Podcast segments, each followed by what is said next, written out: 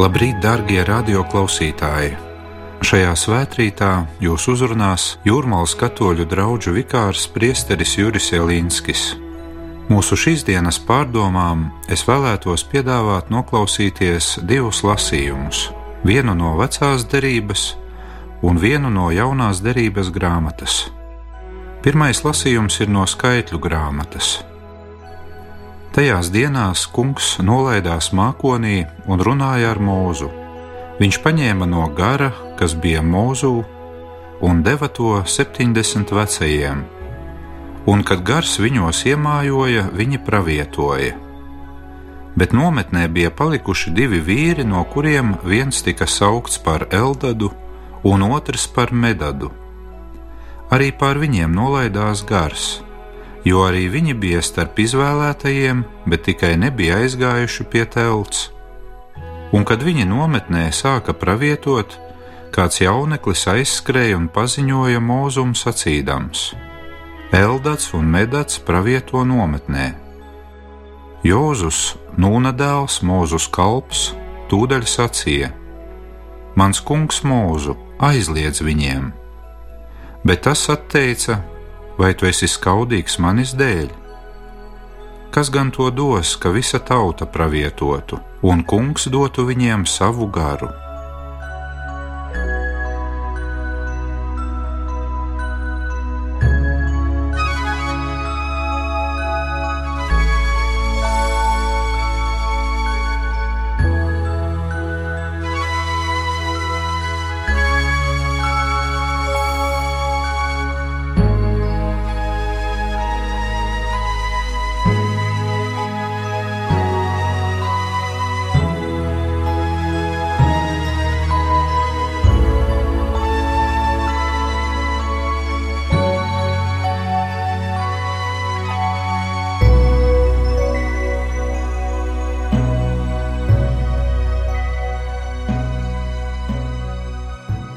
Otrais lasījums ir no Marka evaņģēlija. Tajā laikā apustulis Jānis sacīja Jēzum: Mācītāji, mēs redzējām kādu, kas tavā vārdā izdzen ļaunos garus, un mēs viņam aizliedzām, jo viņš nav sakojis mums. Bet Jēzus sacīja: Neliedziet viņam, jo kas nav pret mums, tas ir ar mums. Tie ir svēto rakstu vārdi.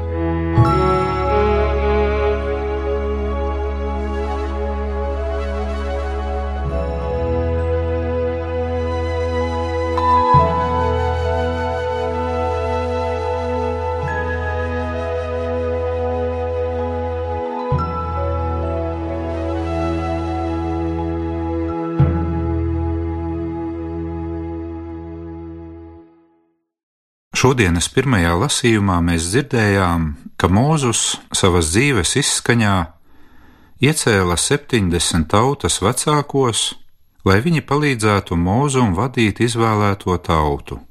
Dieva gars nolaidās pār šiem 70 vīriem, un viņi sāka pravietot. Taču, kā dzirdējām, svētais gars negaidīti nonāca arī pār citiem diviem vīriem, un jauneklis Jozus savā dedzībā teica mūzum, lai šiem diviem vīriem viņš aizliedz pravietot. Uz ko Mūzus atbildēja: Kāpēc tu esi skaudīgs? Kaut jau visa tauta pravietotu, un kungs dotu viņiem savu garu. Gandrīz līdzīga situācija atkārtojas arī evaņģēlīja fragmentā. Apostulis Jānis redzēja kādu, kurš Jēzus vārdā izdzina ļaunos garus, bet šis cilvēks nepiederēja Jēzus tuvāko ļaužu pulkam. Tāpēc apustulis Jānis un pārējie mācekļi šim cilvēkam aizliedza to darīt. Uz to Jēzus atbildēja, ka nevajag aizliegt, jo kas nav pret mums, tas ir ar mums. To visu pārdomājot, mēs nonākam pie jautājuma, kā tad ir ar tiem cilvēkiem, kas varbūt rīkojas labi, bet netic dievam, netic Kristum vai nepiedar viņa baznīcai? Kā ir ar citu reliģiju pārstāvjiem vai pat neticīgiem cilvēkiem, vai arī viņi var sasniegt pestīšanu? Protams, šie jautājumi ir ļoti delikāti. Otrais Vatikāna koncils, piemēram, šos jautājumus skaidro sakot, ka svētais gars tikai dievam zināmā veidā piedāvā ikvienam cilvēkam nonākt attiecībās ar Dievu, un līdz ar to kļūt pestītam. Par to, protams, runā neviena aizvadītā gadsimta baznīcas koncils, bet līdzīgu apgalvojumu sastopam arī svētajos rakstos, kur, piemēram, pirmajā vēstulē Timotejam apustulis Pāvils raksta, ka Dievs vēlas, lai visi cilvēki būtu pestīti un nonāktu līdz patiesības pazīšanai. Vai arī citu vietu lasām, ka Dievs ir visu cilvēku pestītājs, it sevišķi ticīgo. Tātad sevišķi ticīgo, bet tomēr nevienīgi, jeb ekskluzīvi ticīgo. Reiz man nācās dzirdēt šai sakarā kādu ļoti trāpīgu izteicienu Krievu valodā. Cilvēki bija novērojuši, ka garīdznieka tērpam ir ļoti platas piedurknes, un viņi tajās saskatīja garīgās varas nesēja simbolu. Un tā rezultātā Krievu tautā radās kāds brīnišķīgs teiciens, kurš skan šādi: Uboga rukavā šīrie čem u papā. Tulkojumā tas nozīmē, ka dieva piedurknes ir daudz platākas par garīdznieka piedurknēm. Patiešām arī šajā folklorizētajā teicienā mēs varam saskatīt dziļu patiesību, kuru vienmēr ir atzinusi un atzīst kristīgā teoloģija. Proti, ka tikai dievam zināmā veidā var būt atpestīti arī tie, kas nepiedara redzamajai baznīcai. Protams, vienmēr paliek spēkā arī pārliecība, ka ierastais un taisnākais ceļš pie dieva notiek caur kristību, ticību un piederību baznīcai. Pārdomājot tālāk par šo jautājumu, mums ir jāsaskata atšķirība starp, ja tā var teikt, neticīgu un neticīgu cilvēku, starp ateistu un ateistu. Arī šie cilvēki var būt ļoti atšķirīgi. Ja kāds savas spītības un ietiepības dēļ pretojas patiesībai un dzīvo apzināti neievērojot morāles un ētikas principus, tad šādiem cilvēkiem izskan apstuļa Pāvila brīdinājuma vārdi, ka viņus sagaida dieva dusmas. Savukārt tie, kas pacietībā dara labus darbus, Tie saņem godu, neiznīcību un mūžīgo dzīvi. Tā mēs lasām apstuļa Pāvila vēstulē romiešiem. Pie cilvēkiem, kas nepiedara redzamajai baznīcai, bet dara labu, mēs varam minēt tos, kas vēl netic Kristum, bet tic Dievam un viņam kalpo varbūt kādā citā reliģijā. Vai arī tie ir cilvēki, kuri netic vispār Dievam, bet paši pie tā nav vainīgi, jo varbūt nav saņēmuši atbilstošu audzināšanu, vai arī dzīvo tādā vidē, kur par dievu nekas netiek runāts, vai arī pašiem neapzinoties, intelektuāli nav aizdomājušies par dievu atbilstošā līmenī. Jēzus šodienas evanģēlijā uzsver divas svarīgas lietas, kurām būtu jāpiemīt cilvēkam, kas nepiedar tā dēvētajai redzamajai baznīcai. Pirmkārt, svarīgi ir, lai cilvēks nebūtu nostājies pret Jēzu un viņa baznīcu. Tas nozīmē, lai nekļūtu tāds, kas apzināti cīnās pret ticību un tās paustajām vērtībām. Un otrkārt ir jāņem vērā tas, ka ja cilvēks vēl nespēja kalpot un mīlēt Dievu, tad lai viņš vismaz cenšas kalpot un mīlēt Dieva attēlu, kas ir ik viens cilvēks. Nevelti Jēzus evaņģēlijā uzsver, ka ik viens, kas pasniegs ūdens glāzi tam, kas pieder Kristum, šādam cilvēkam alga nezudīs. Lai arī šeit tiek pieminēta ūdens glāzes pasniegšana tiem, kas ir Jēzus mācekļi, tomēr mēs arī redzam, ka pēdējās tiesas attainojumā, kas ir aprakstīts Mateja evaņģēlija 25. nodaļā, tur netiek minēta arī šī atšķirība. Tur ir teikts, ka visu, ko būsiet darījuši kādam no šiem mazajiem, paēdinājuši, apģērbuši, uzņēmuši, neatkarīgi no tā, vai viņi ir ticīgi vai nē, tur Jēzus saka, ka to visu jūs esat man darījuši. Patiešām ticība cilvēka dzīvē ir ļoti svarīga, bet ir jāatceras, ka pastāv arī mīlestība. Mēs pat varētu teikt, ka ikvienā patiesā mīlestībā zināmā mērā ir ietverta arī ticība. Ticība labajam, tātad ticība dievam. Šodien dzirdētajos lasījumos mēs spilgti varam saskatīt, kāda mēdz būt arī mūsu kā ticīgo cilvēku iekšējā attieksme pret tiem, kas netic vai kas domā savādāk. Cik liels kontrasts ir pamanāms no vienas puses Jozus un apstuļa Jāņa attieksmē, bet no otras Mūzus un Jēzus attieksmē. Abi mācekļi, Jozus un Jānis, ir pārņemti ar dedzību. Viņu skatījumā ir tikai divas iespējas - balts vai melns, būt vai nebūt. Viņi rīkojas saskaņā ar principu, ja kas nav ar mums, tas automātiski ir pret mums. Savukārt Mūzus un Jēzus raugās pavisam savādāk. Proti, ja apzināti nēsi pret mums, tad esi ar mums. Protams, reizēm arī mūsos, par to visu pārdomājot, var rasties jautājums: bet kāpēc mums, kristiešiem, vajag ticībā pielikt tik daudz pūles? Kāpēc vajag tik daudz censties, lai būtu par labiem kristiešiem, ja jau Dievs vēlas izglābt visus? Tomēr šādi jautājumi nav īsti atbilstoši Jēzus garam. Drīzāk mums būtu jāpriecājas, ka Dievs vēlas visiem dot iespēju būt pestītiem. Drīzāk mums būtu jāizveido tāda attieksme pret neticīgiem un citu reliģiju vai konfesiju ticīgiem, kāda tā bija mūzum. Būtu labi tādās reizēs, ka mēs kopā ar viņu teiktu: Ak, kaut visi ļaudis varētu kļūt par praviešiem! Ak, kaut visiem kungs vēlētos dot savu garu! Līdz ar to mums ticīgajiem attiecībā uz pestīšanu ir jācenšas iegūt daudz plašāku un pozitīvāku skatījumu jo ļoti bieži mūsos gūst virsroku uzskats, ka ticība un reliģija ir vienīgi pienākums, ko jāpilda, ka tie ir nopelni, kuri jāiegūst, ka tā ir atlīdzība, kas jānopelna no dieva.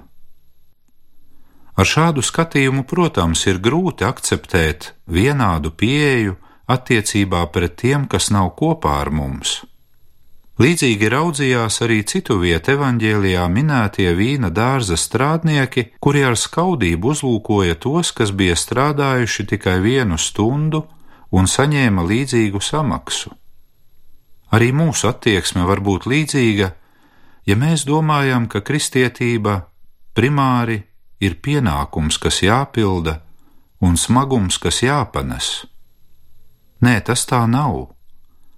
Kristietība pirmām kārtām ir žēlastība, tā ir dāvana. Tā nav kaut kas, ko mēs darām priekš dieva, bet tas ir tas, ko Dievs ir izdarījis priekš mums. Kristietība ir žēlastība, tā ir neiedomājama privilēģija pazīt Jēzu ļoti tuvu, pazīt viņa evaņģēliju, viņa labo vēsti, viņa mīlestību. Līdz ar to mums ir jābūt ļoti līdzjūtīgiem pret tiem, kas vēl Jēzu nav pazinuši, nevis būt pret viņiem skaudīgiem, neiecietīgiem vai pat dusmīgiem. Kāds varbūt šeit var jautāt, nu tad labi, varam atstāt visus mierā, lai katrs dzīvo saskaņā ar savu pārliecību, vairs nekādas evanģelizācijas darba, vairs nekādu rūpju, ja jau katrs var cerēt uz cita veida pestīšanu. Nē, tā noteikti nav. Par to vienmēr ir jāturpina rūpēties, bet kā to uzsver apustulis Pāvils, tas ir jādara ar sirsnību un cieņu pret otru cilvēku. Tas nozīmē, ka liecinot par Jēzu un viņa evaņģēliju, vairāk ir jāliek akcents nevis uz negatīvo, bet gan uz pozitīvo motīvu. Negatīvais būtu, ja mēs teiktu un domātu, ka Jēzum ir jātic, jo tas, kas netic, tas tiks pazudināts. Savukārt pozitīvais motīvs būtu sekojošs: pašiem domāt un teikt citiem, ka ticēt Jēzum tas ir brīnišķīgi. Brīnišķīgi ir arvien vairāk pazīt viņu un just viņu sev blakām, just viņu sev blakām kā savu un visu cilvēku pestītāju. Gan šajā dzīvē, gan arī mūžībā.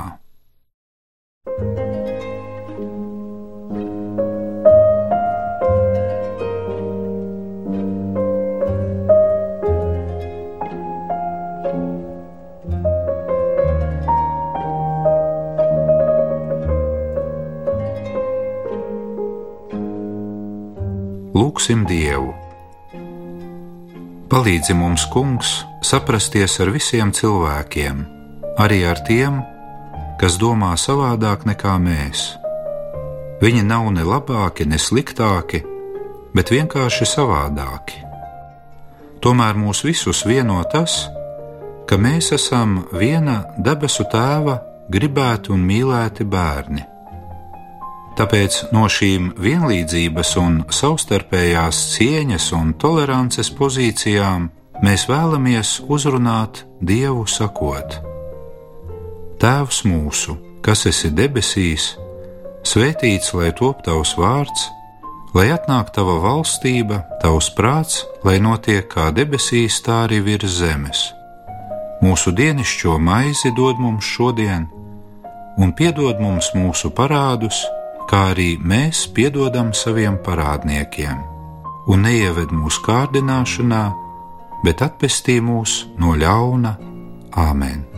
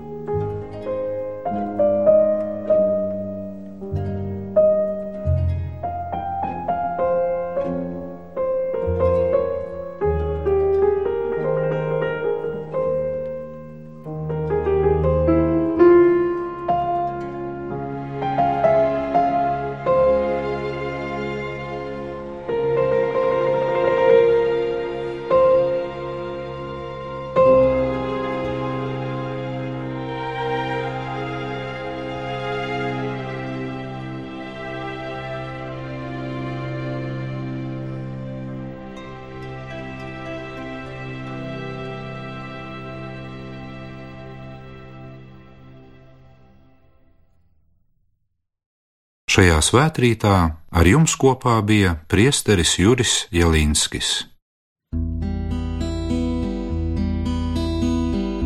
Es esmu cilvēks, tu esi Dievs, kas gan var mūs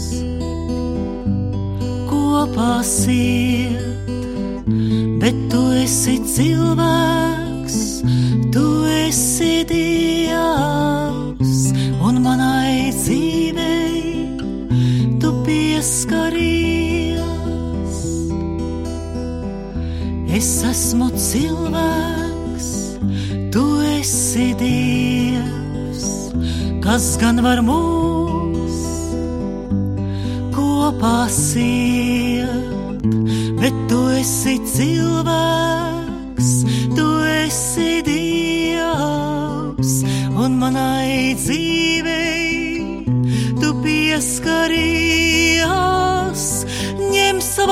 plaukstās mūsu ievainotās dzīves, kā puteklīts tās tik niecīgas un trauslas, un pārklāj mūs ar tavas mīlestības dvašu.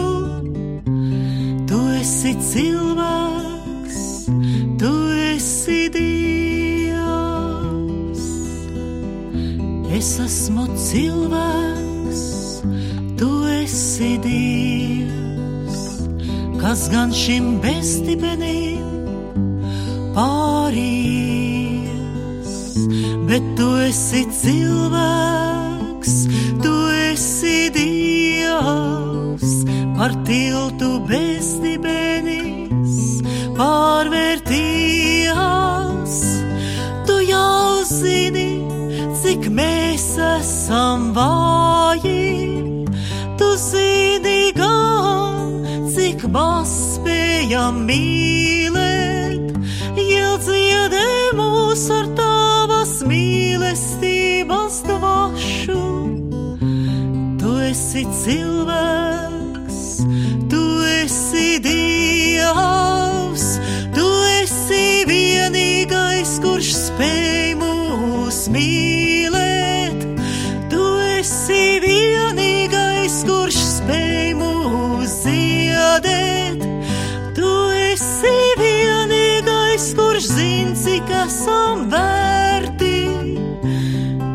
esi cilvēks, tu esi Dievs.